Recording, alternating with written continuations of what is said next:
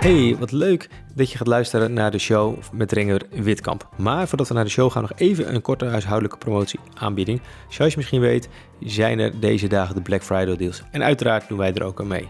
Ben je bijvoorbeeld een diëtist, leefstijlcoach of gewichtsconsulent of een andere voedingsprofessional? Check dan onze e-learning Fact Checking Part 2. Die start in januari en hebben een hele mooie deal deze dagen. En natuurlijk de superdeal met onze scheurblokken die je kan gebruiken in je praktijk. Maar daarnaast hebben we ook nog een aantal andere deals. Denk bijvoorbeeld aan Kickstart Your Health. Dat is onze Instagram cursus waarin je in 10 dagen naar een gezond eetpatroon gaat. En vergeet de boekendeals niet. Je hebt de Three Legends. Dat is expert, atleet en hardloopeditie. Maar ook het starterspakket. En dat is dan weer expert, atleet, partytime. En allebei de pakketten heeft een zakje van de granola.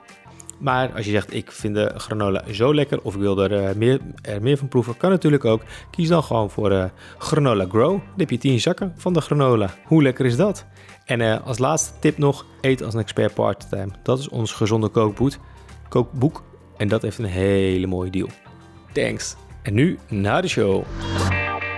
Hij staat aan, zeker al. Drie minuten. Ik druk gewoon heel stiekem op record. Ah ja, dus je hebt wel die, die background ding heb je ook al mee. Oké. Okay. Zeker.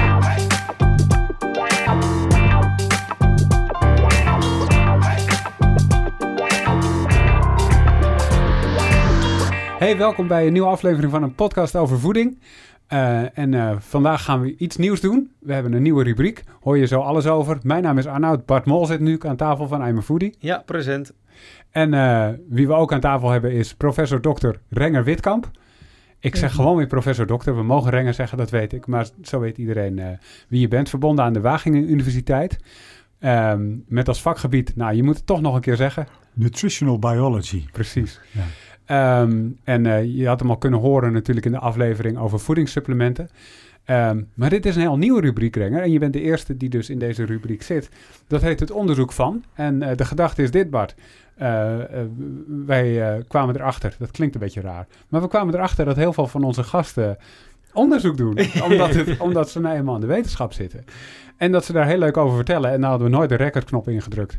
En we dachten, nou ja, dat kunnen we eigenlijk beter wel doen. Precies, eigenlijk, eigenlijk was het meer gewoon dat we de, het, uh, na, het, napraten van de reguliere show, dat we eigenlijk dachten van, jeetje, deze is alsnog heel erg leuk. En laten ja. we dat ook gewoon doen. Dan kan je wel wat iets meer de diepte in. Uh, maar het is ongeveer denk ik een minuut of twintig. En dan, uh, ja. dan, dan stoppen we ermee, denk ik. Maar, maar, we gaan het zien. Dus het is, het is voor ons ook nieuw. Dus, het is helemaal nieuw. We gaan gewoon even de vraag stellen aan Renger. En dan drijven we zelf al de volumeknop naar beneden. Nou, Renger. Daar is hij dan de vraag, met welk onderzoek ben je nu bezig? Ja, we doen een aantal dingen. Ons, ons hoofdaccent ligt op veroudering en mm. herstel. En herstel bijvoorbeeld naar ziekte. Um, en wat er bij die veroudering speelt is, uh, ja, we worden allemaal ouder en dan krijg je processen die uh, voor een deel te beïnvloeden zijn door voeding en leefstijl. En wat er bijvoorbeeld bij veroudering gebeurt, is dat de geestelijke vermogens, het de cognitie um, achteruit kan gaan. Hè, bij de een meer dan bij de ander. En uh, ook het bewegingsapparaat. En dan moet je vooral aan het spierweefsel denken. Nou, dat zijn twee hoofdstromingen. Daaromheen kijken we ook nog naar het darmkanaal. En we kijken eigenlijk van ja, wat gebeurt er bij die veroudering en wat, wat is de rol van voeding? En interessant is dat, zeker als je het hebt over spieren, dat voeding en bewegen ook heel goed samengaan, heel belangrijk zijn. He, um, wij kijken bijvoorbeeld naar eiwitten. Heel dat is heel belangrijk voor oudere mensen, juist om die spiermassa te houden. En uh, daarbij blijkt dat niet alleen de eiwitinname, dus Hè, hoeveel eiwit neem je in en wanneer neem je eiwit in, maar ook in combinatie met bewegen. Dus dat, uit, dat, dat, dat leidt dan heel praktisch tot adviezen als van uh, ga rond de maaltijd, dus ofwel vlak ervoor of in ieder geval daarna, gewoon een half uurtje wandelen. Mm -hmm. En neem je eiwitrijke voeding, dus ofwel een zuiver product of eventueel vlees of eventueel een, een vegetarische eiwitbron. En neem die wat meer verspreid over de dag. Uh, en dan, dan houd je je spiermassa langer in stand. Nou, wat cognitie betreft kijken we, doen we allerlei testen, bijvoorbeeld geheugentesten, concentratietesten en kijken we naar effecten van, uh, van fruit bijvoorbeeld, ook van omega-3 vetzuren. Dus dat is een heel belangrijk uh, aspect. Wat we bij veroudering ook kijken is naar de, de, de, afweer. Um, wat bij veel ouderen gebeurt, eigenlijk gebeurt dat algemeen bij veroudering, is dat ook je, je, je immuunsysteem achteruit gaat. Dus dat je langzaam maar zeker ja, gevoeliger wordt voor infecties. En wat je, een onderzoek wat wij op dit moment doen, is heel erg gericht op wat we dan de second hit noemen. Um, helaas uh, zien we dat vaker. Misschien, uh, ik hoop het niet, maar herken je het verhaal. Eh, het gaat goed met een oude persoon. De persoon is, woont zelfstandig, is een jaar of tachtig, gaat helemaal goed. Maar op een gegeven moment valt hij of zij en breekt een heup of een, iets anders, Mhm. komt in het ziekenhuis en dan loopt de persoon een infectie op en dan is het ineens heel snel afgelopen. Dan kan het echt binnen, hè, eh, eh, betreffende meneer of mevrouw liep gewoon hartstikke goed rond, breekt iets, en binnen een, een paar weken is de persoon overleden door een infectie. Mhm. En waar we naar kijken, van kunnen wij bijvoorbeeld het immuunsysteem trainen, want het, het heet ook letterlijk trainen van het immuunsysteem, door bepaalde vezels. Nou, daar is dat aanwijzing voor en dat is ook een eh, belangrijke onderzoekslijn. Een, eh, ook weer op het grensvlak voeding en beweging is onderzoek wat we doen op het gebied van eh, ja, wat we doen, leefstijl. Mag ik toch even Ja? één één vraag Ja. over het vorige onderzoek? Want wanneer begint het ouder worden? Is je daar een leeftijdscap op? Dat is een, een, dat is een hele goede vraag. Ehm, eh, nee, wij zeggen eigenlijk, ehm, eh, dat zeggen we ook om ons onderzoeksprogramma te goed te verkopen. Nee, zo bedoel ik dat niet. Maar wij zeggen van, ja, veroudering begint eigenlijk op je 25ste en misschien wel op je 20ste. Mhm. Je hebt de, de periode dat, dat echt heel actief nieuw, ja, laten we zeggen, het, het, het lichaam aan het groeien is en de hersenen aan het ontwikkelen zijn en de spieren aan het ontwikkelen. En eh, per orgaan en per orgaansysteem is het een beetje, verschilt het een beetje wanneer het op zijn maximum is. Hè. De hersenontwikkeling, er zit ook nog verschil tussen mannen en vrouwen. Jongens zijn wat trager. Maar hij zegt dat dat 23 tot 26 zijn de hersenen volgroeid. Ja, en dan begint meteen eigenlijk het achteruitgaan. En met spieren ook. Alleen gaat dat voorbij je 50ste, gaat dat sneller. Maar ook daar is heel erg ja, verschillend tussen mensen. En als je het hebt over spieren, je hebt mensen van, nou ja, laten we zeggen 65, die als je daar de, de, de spieren zou bekijken op een, met een CT-scan of wat ook, dan, dan, dan zie je dat die spieren echt achteruit zijn gegaan. Dat er bijvoorbeeld heel veel vervetting in die spieren zit. Eh, maar er zijn ook mensen die, als die actief blijven, dat die spieren gewoon heel goed blijven. Mhm. Dus, dus daar zit allerlei, ja, zitten allerlei factoren in. De ijverlijkheid speelt een rol, maar toch ook wel de Maar, ja, maar ja, leefstijl dus inderdaad van als mensen al vanaf hun dertigste zeg maar, tot hun zestigste gezond hebben geleefd. Of in ieder geval voldoende Ja. dingen die ja, gewoon wat hoort bij een gezond voedingspatroon. Dat die dus ja, een, grotere, of een, een grotere kans hebben voor kwaliteit van leven na, voor, Ja. na hun zeventigste of misschien wel tachtigste. ja, ja. Of je- als diegene dan valt met de heup breekt, kan het even goed binnen twee weken over Nou zijn. ja, kijk, het immuunsysteem, dat, daar weten we weinig van. In die zin, wij, ja, waar, wanneer daar de, laten we zeggen, de problemen beginnen en wanneer je daar eigenlijk je, ja, wat je dan slecht Nederlands window of opportunity hebt. Hè? Mhm. Wat we in ieder geval wel weten, is dat, eh, je, zegt, je zei het net ook al, dat, er, dat een slechte, leeftijd, slechte leefstijl op jonge leeftijd, relatief jonge leeftijd, dus laten we zeggen 30, 40, echt ja, van invloed kan zijn op hoe je ouder wordt. En dat is natuurlijk heel moeilijk, is ook heel moeilijk te verkopen, want voor veel mensen is het heel moeilijk om na te denken over, ja, hoe gaat het met je als je 70 bent, terwijl Ja. je in je bloei van je leven staat en alles lijkt goed te gaan. En toch is het zo dat bijvoorbeeld van overgewicht is dat ook aangetoond. Hè, dat als jij zwaarlijvig bent ehm, en, en ja, doordat je te veel eet, je kan ook andere redenen hebben, maar doordat je te veel eet of dat je richting diabetes gaat op je 30ste, 40ste, ja, dan heb je toch een groter risico om bijvoorbeeld ook cognitief achteruit te gaan. Ja. Dus dat is wel heel belangrijk, ja. Ja, precies. Dus het is allemaal aan elkaar gerelateerd. Dus niet alleen op, eh, op spierkracht, maar ook het, cog- het cognitieve, Ja, immuun, et cetera. Dus het is eigenlijk gewoon ja, een, eh, het hele systeem. ja. En het is, dat is, dat is een enorme uitdaging van hoe verkoop je dat aan mensen. Hè? Van in feite zeggen we wel eens van, als je tegen jongeren, je bepaalt nu mede hoe je uiteindelijk gaat overlijden. En dat klinkt natuurlijk heel erg fatalistisch, hè? van mensen willen niet denken aan een overlijden, maar toch heel belangrijk. Bij, bijvoorbeeld bij, bij osteoporose is het waarschijnlijk al eerder. Hè? Dat de- osteoporose zie je vooral bij vrouwen, maar ook wel bij mannen. Ehm, dat, dat het heel belangrijk is dat je je botten belast Mhm. tussen je twaalfde en je twintigste. En misschien met de, nu er meer kinderen, eh, laten we zeggen, minder naar buiten gaan. Ja, ik hoop het niet, maar het zou best kunnen dat je dat toch gaat Ja. zien op een gegeven Maar moment. wat is osteoporose? Osteoporose, hè, botontkalking heet het wel. Hè, Ja. de zwakke botten, hè, waar broze botten. Ehm, wat je dus bij, eh, nou ja, typisch voorbeeld zijn de vrouwen na de menopauze, maar nogmaals, het komt bij mannen ook voor. En Mhm. een, een hogere, een grotere kans om ook een bot te breken, om meerdere botten. Dus je krijgt een heel, eh, ja, de botten nemen gewoon, eh, de botdichtheid neemt af. Ja. Ja. En dan is het vooral, eh, kijk, er wordt gezegd, ja, je moet kalk eten en je moet bewegen, maar de basis ligt al in de jeugd. En pas je het zelf ook toe op je eigen leeftijd? Categorie waar je nu in, nu in valt, zeg nou ja, ik eh, volg, volgens het boekje, dat is bij mij wel een beetje onnuchterend. Hè. Dan eh, zie ik onderzoek van mijn collega's en dan gaat het over ouderen. En dan eh, zit ik daar al in, want ik ben zelf de 60 al gepasseerd. Je bent zelf een, een respondent van je eigen onderzoek. Ja, ja, precies. Daarom vinden we het zo interessant. Nee, maar het is... Ik, ik probeer wel gezond te blijven. Maar goed, ik hou aan de andere kant ook erg van lekker eten. Dus ik, ja, het, het gaat niet vanzelf, laten we zo zeggen. ja. Ja. Maar veel, veel actief zijn, veel, veel lopen, veel wandelen. veel, veel fietsen. En eh, proberen toch gezond te eten. Dat is wel heel belangrijk. Maar hoe, hoe eh, zijn zulke onderzoeken te doen? Want bedoel, ouderen die eh, de heup breken, dat is heel vervelend. Maar je gaat niet tegen mensen zeggen, breek even een heup voor ons onderzoek. Dat is een hele, hele goede vraag die je stelt. Nou, een deel van het onderzoek kijken wij gewoon naar... we doen een deelonderzoek in de reageerbuis. Ehm, heel af en toe met proefdieren, wel steeds minder. En dan kijken we naar... en trainen we cellen. Mhm. Waar we nu bijvoorbeeld mee bezig zijn... is dat we gaan kijken van of we bijvoorbeeld bloed kunnen krijgen... ehm, van mensen die net een fractuur hebben mee doorstaan. Om te kijken van, hey, is er iets met die afweer? Want we weten wel dat die afweer... eh, die, die gebeurt in twee fasen. En we praten over de zogenaamde A-specifieke afweer. Dus niet de, de, de op een hele specifieke bacterie en virus gerichte. Dus niet die afweer die je ook door vaccinatie stimuleert. Nee, de algemene afweer. Mhm.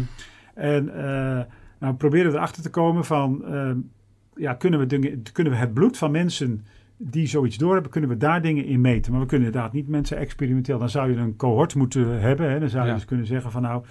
ik geef mensen een bepaald product en een placebo... en ik ga ze volgen en ik ga uiteindelijk fracturen tellen. Maar dat zijn enorme kostbare en, be- en, ja, bewerkelijke en kostbare onderzoeken... Ja. die heel lang duren. Maar je zei in een reageerbuis, wat, wat, wat doe je dan? Is het dan bloedonderzoek of is er iets Ja, nee, je kan ook, ook je immuuncellen, hè, je kan kijken of je eh, door middel van die vezels die we onderzoeken, of je bepaalde processen in die cellen kunt stimuleren, Mhm. hè, die, die, die, waarvan je weet dat ze verband houden met een afweer. Dan is het natuurlijk wel zo dat op het moment dat je dat in je cellen meet, dat het dan nog niet zo hoeft te zijn dat eh, iemand die dan vezels inneemt, hetzelfde gaat zien. Want daar zitten nog Ja. 25 stappen tussen. hè. Die vezels komen in je darmkanaal, die moeten worden opgenomen, die moeten bij die cellen komen. Dus je moet het een en het ander combineren. Hè, we, ja, vroeger waren we de, hadden we de neiging om, ste- om v- vaker diermodellen te gebruiken. Maar we zien, A is het steeds eh, moeilijker, ook begrijpelijk wettelijk, om met dieren te werken. Maar B, bovendien is het ook, de voorspelbaarheid van dierproeven is ook gering. Ik bedoel, ja, wat, wat moet je? Je gaat, gaan, dat- is, wordt ook niet meer toegestaan om fracturen bij ratten eh, laten gebeuren. Dat wil je, niet, wil je niet. En bovendien zijn mensen geen ratten. Dus je moet dan Mhm. toch heel slim kijken van, ja, wat kan ik meten in Ja. de reageerbuis? Dus ik kan cellijnen gebruiken. Ik kan cellen uit patiënten isoleren. En ik kan uiteindelijk misschien... Ik kan misschien niet fracturen meten of ik kan geen afweer. Maar ik kan bijvoorbeeld wel kijken of het bloed van iemand past bij iemand met een betere of een minder goede afweer. Maar leidt dat dan tot, zeg maar, wat je wel eh, bewijs zou noemen? Of is het dan meer dat het leidt tot een hypothese voor een volgend onderzoek om... Nou ja, uiteindelijk, ehm, kijk, dat heeft ermee te maken, ja, wat is bewijs? Hè? Dan hebben we de piramide van bewijs. Ja, En het kan niet altijd. Hè? Wij, wij zeggen in de medische wereld hebben we de neiging om te zeggen een gerandomiseerd, placebo gecontroleerd, geblindeerd onderzoek, hè? De, de randomized controlled ja, RCT, eh, heeft de hoogste bewijslast. Maar eh, dat kan niet altijd. Hè? Je bedoelt, de- ik zeg altijd, de parachute is ook nooit placebo gecontroleerd getest. want we konden niemand vinden die met de placebo-parachute uit het vliegtuig sprong. Niet? Hè? Eh, en toch geloven wij dat die parachute werkt. En Ja. nog sterker, we weten gewoon dat die werkt. Niemand twijfelt daaraan. Dus, en er is heel veel medisch handelen wat natuurlijk nooit tot op dat stadium onderzocht kan worden. Het is trouwens wel grappig eh, wat je zegt. Want we hebben even een linkje met uh, uh, I'm voor die ehm, fact-checking hebben we ontwikkeld. Met name voor diëtisten. Of Ja. eh, le eh, leefstijlcoaches of eh, gewichtsconsulenten. Dat we heel erg daarin, eh, in ieder geval daarvan een cursus voor ontwikkeld. Eh, fact-checking met behulp van de literatuur. Dat je er dan ook kan interpreteren van hoe eigenlijk de wetenschap eh, werkt met de journals, maar ook gewoon de onderzoeken, et cetera. En diezelfde piramide ook. Ja, ja zeker, Ja. zeker. Ja. Ja. nee, dat is wel een, eh, een interessant ding. Dat je ook weet van, ja, dit is zeker in de media. Het is een hele grote uh, sidestep, hoor, maar in de media wordt ook heel vaak geconcurreerd van, uit onderzoek blijkt, maar ja, wat voor type onderzoek is het dan? Ja. Ik bedoel, daar heb je heel veel, ja, een, uh, een, een uh, niveaus van. Maar ja, dat weet Renger natuurlijk veel uh, beter. Maar uh, dat wou ik even zeggen als uh, sidestep. Ja, inderdaad. Nou, heel veel, heel veel associaties, heel berucht. Hè? Er is een associatie tussen het risico op longkanker en het hebben van een aansteker in je rechterbroekzak. Hè, en dan zeggen we, nou dat weten we natuurlijk en dat kunnen we interpreteren. Maar stel je voor dat je daar geen verstand van hebt. Dat de overheid zou zeggen, nou laten we die aanstekers allemaal in de linkerbroekzak gaan houden. Want dan is het probleem opgelost. Dan zou je zeggen, wat, wat een stom voorbeeld. Maar er zijn talloze voorbeelden. Ja, en dan is het een gebrek aan kennis, zeg maar, van de link tussen het ene en het ander, waardoor er verkeerde Ja. conclusies worden Ja. getrokken. Ja, of, of een co- correlatie wordt verward met eh causa causaliteit. ja. Dat is een heel bekende natuurlijk. Je moet Ja. hem wel even uitleggen. Dat vraag ik je nu. Nee, nee, dat vraag ik gelijk even aan Renger, want dan heeft het meer autoriteit als Renger het uitlegt dan dat ik het uitleg. Wat is het verschil daartussen? Maar ja, kijk, een, een associatie is, is een verband en dat kan een toevallig verband zijn. En een hele leuke is echt voor de luisteraars ook om de website Spurious Correlations te bezoeken. Dat is echt Mhm. een geweldige site. Daar hebben ze alles met alles gecorreleerd. En dat is een prachtige correlatie. Bijvoorbeeld, ik herinner me correlatie tussen de margarineconsumptie in een bepaalde Amerikaanse staat en het aantal doden wat... we zeggen, mensen wat overlijdt doordat ze stikken in hun beddengoed. En weet je wel, dat soort... en er zijn allerlei correlaties. Maar dat wil dus nog niet zeggen dat er een zogenaamd oor- oorzakelijk verband is. Dus dat het Mhm. een echt komt door het ander. En in de voeding barst het ervan. Hè, van, van dingen, ja, je hebt te maken met een... En dan heb je ook nog confounding by disease. Dus dan betekent het van, ehm, wij zien eh, een bepaalde relatie tussen eh, medicijnen en bepaalde voeding. Dan kan het direct zijn dat die medicijnen de voeding beïnvloeden. Maar het kan ook zijn dat ja, die medicijnen worden gebruikt door zieke mensen. En die bepaalde ziekte heeft een effect. Weet je wel, Ja. zo zitten er allerlei, ja, laten we zeggen, storende factoren in onderzoek. Ja. En het onderzoek waar je nu mee bezig bent, dat heeft dus diverse sporen, hebben we al gehoord. Wanneer, wanneer denk je dat daar resultaten uitkomen waar je daadwerkelijk... eh, Maar kijk, voor een deel hebben we die resultaten. Hè? Dat is het eiwitonderzoek, ehm, cognitie. Die, die immuun, ja, dat, daar, daar zijn we nog wel even mee bezig, denk ik. Want uiteindelijk, eh, ja, we zitten nu in het stadium dat we bloedtesten willen testen van, van mensen die, die een fractuur hebben ondergaan. Om te kijken van, of we een fractuur hebben gehad. Eh, Mhm. kijken van, ja, hebben die mensen inderdaad een verminderde afweer? En kunnen we dat, dat bloed alsnog stimuleren? Want je kan dan ook die vezels toevoegen. Nou, daar gaat, daar gaat nog wel wat overheen voor je, en voor je uiteindelijk dat gaan, kan gaan uitproberen en er een product ontstaat. Maar, wat, maar wat, eh, wat is maar de wetenschappelijke, of nee, de maatschappelijke relevantie? Wat heb ik er in, als consument aan eh, in 2022 of 2023? Je, kan, eh, je zou kunnen zeggen van dat mensen bepaalde voedingsmiddelen meer zouden kunnen eten. Of je zou bijvoorbeeld bepaalde vezels, en we kijken nu naar vezels die in tarwe voorkomen en in rijst voorkomen. Die zou je kunnen gaan toevoegen. Daar zou je ook producten voor kunnen ontwikkelen voor ouderen. En net zo goed natuurlijk als er producten zijn op basis van, van meer eiwit voor ouderen. Dat was een paar jaar geleden was het helemaal taboe, hè, want niemand wilde oud geworden gevonden worden. Dus Mhm. een, een, iets, iets in de supermarkt voor speciaal voor de oudere mensen. Ja, daar daar liep iemand, iedereen met een boog omheen. En tegenwoordig, het, tegenwoordig wordt het aangeprezen voor eh, als u in een nieuwe levensfase bent en zo. Nog steeds eh, veroudering is een beetje taboe. Maar ja, dat kan heel goed. Ja. Ja. Maar begrijp ik het goed? Dat stel je voor dat in 2022, dat er dus, wat je net zegt, hè, met eh, tarwe en rogge of dingen, dat, dat ga je combineren tot een nieuw product.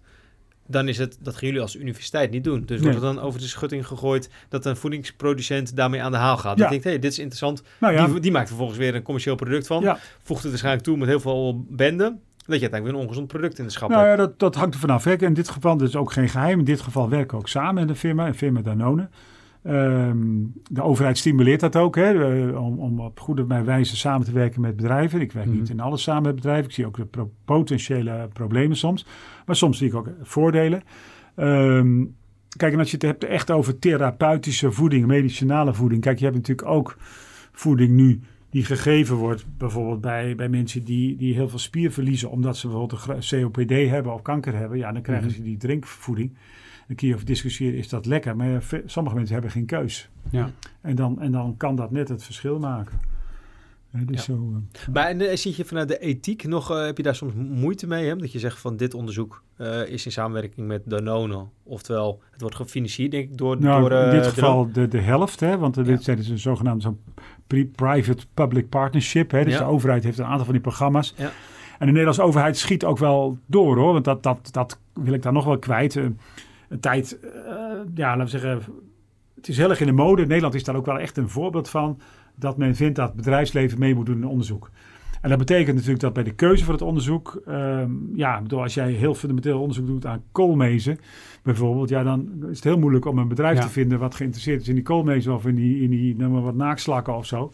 Hè, dus dat betekent dat het altijd dan commercieel relevant moet zijn. En dat, dat, dat vind ik te ver doorschieten. Ehm, aan de andere kant kan het soms wel voordelen hebben, want ja, het is niet aan de universiteit om een, om een, om een product te ontwikkelen. Dus laat een bedrijf dat Ja. doen. En daar moeten we beide partijen dan voordeel bij hebben natuurlijk. Dus, Ja. Maar ik zie ook wel eens dat, dat ja, het hangt een beetje van af. Kijk, sommige, kijk, je moet ook realiseren dat bedrijven natuurlijk een andere doelstelling hebben dan, dan universiteiten. Kijk, Ja. uiteindelijk moet, gaat het bij de meeste bedrijven om shareholder value, oftewel aandeelhouders. ja. Ja, en dat, dat moet je wel weten, ja. Ja, maar, maar ik kan me v- wel voorstellen vanuit jouw point of view dat je wel denkt van ik wil eigenlijk dit eh, wetenschappelijk gezien is het heel relevant om dit eh, misschien te onderzoeken. Terwijl je mijn god nog niet weet wat de uitkomsten zijn om te zien van ja, is het überhaupt wel maatschappelijk Ja. slash commercieel relevant? Ja, Ik nou, je ligt de vinger op een hele zere plek op dit moment in het onderzoek. eh, dat wij toch wel gedwongen worden, denk ik, om heel pragmatisch te zijn. Het wordt steeds moeilijker. Er zijn steeds meer onderzoekers of minder geld. Of in ieder geval, eh, eh, laten we zeggen, er is steeds minder fundamenteel te besteden geld per onderzoeker. Eh, je hebt je eigen onderzoekslijn. En dat betekent dat je ja, een beetje moet laveren om zoveel mogelijk je eigen onderzoekslijn te, te, te handhaven. Want ik heb ook voorbeelden dat bedrijven voor een, echt een prikkie kunnen meedoen. Hè. Dan, dan is het zijn van die onderzoeken waar ja, participatie van het bedrijfsleven verplicht is. Hè. Anders krijg je geld niet. Ook bij de NWO's, ook bij de, de, de toegepaste wetenschappen. Ja, en dan zit zo'n bedrijf misschien voor 20.000 euro kan meedoen. En die zit dan echt voor een dubbeltje op de eerste rang. Want Ja. als, ja, die weten gewoon, het bedrijf weet gewoon dat als ze niet meedoen, ja, dan, dan krijgt die onderzoeker zijn geld niet. Oh, En eh, ik heb daar ook situaties meegemaakt. Denk van, nou, hier wil ik niet wezen. hè. dat is een scheve machtsverhouding. ja, ja, inderdaad. precies. Ja. Maar is dan de korte conclusie van eh overheid moet alles gewoon maar subsidiëren of het moet maar gewoon niet commercieel gelabeld zijn dat geld? Ik denk dat, eh, dat wij weer een stuk terug moeten. Ik ben niet tegen onderzoek met bedrijven, maar ik denk dat we, dat we doorschieten. Ja. Dat de hoeveelheid vrij te besteden geld. Hè. En vrij klinkt zo van, ja, dat was een beetje van, ja, die wetenschappers zijn wel een beetje aan het hobbyen. Dat dat gewoon heel erg doorgeschoten. Dat bijvoorbeeld andere landen dat beter doen. Ja. Nou, in welk land kunnen wij Duitsland, voor- Duitsland, voorbeeld doet Duitsland dat is dat heeft, is toch wat meer fundamenteel. En Scandinavische landen volgens mij ook. Ja. Ja. Nederland is een beetje het Nederlandse koopmanschap. Hè. Dat, dat zit er wel heel erg in. Ja. Eh, Maar dat betekent dus ook, even terug naar het onderzoek waar je nu mee bezig bent, dat er dus daadwerkelijk producten op de markt komen die voortkomen uit het onderzoek waar je nu mee bezig bent. Ja, en dat, eh, dat, eh, ja, die zijn er voor een deel. Voor ook eerder onderzoek op het gebied van eiwitten. Hebben we ook met anderen. En dan, kijk, een van de dingen om, om, laten we zeggen, om er een beetje te doorbreken dat je, dat, je, dat je bevooroordeeld zou raken, is dat je met meerdere bedrijven samenwerkt. Maar ook op het gebied van eiwitten hebben we ook kleinere bedrijven die al producten. En dat kan variëren van speciale toetjes tot eh, speciale poedertjes. Mhm. Eh, ja, daar, die, die zijn voor een deel op de markt. Ja. Ja. Yes.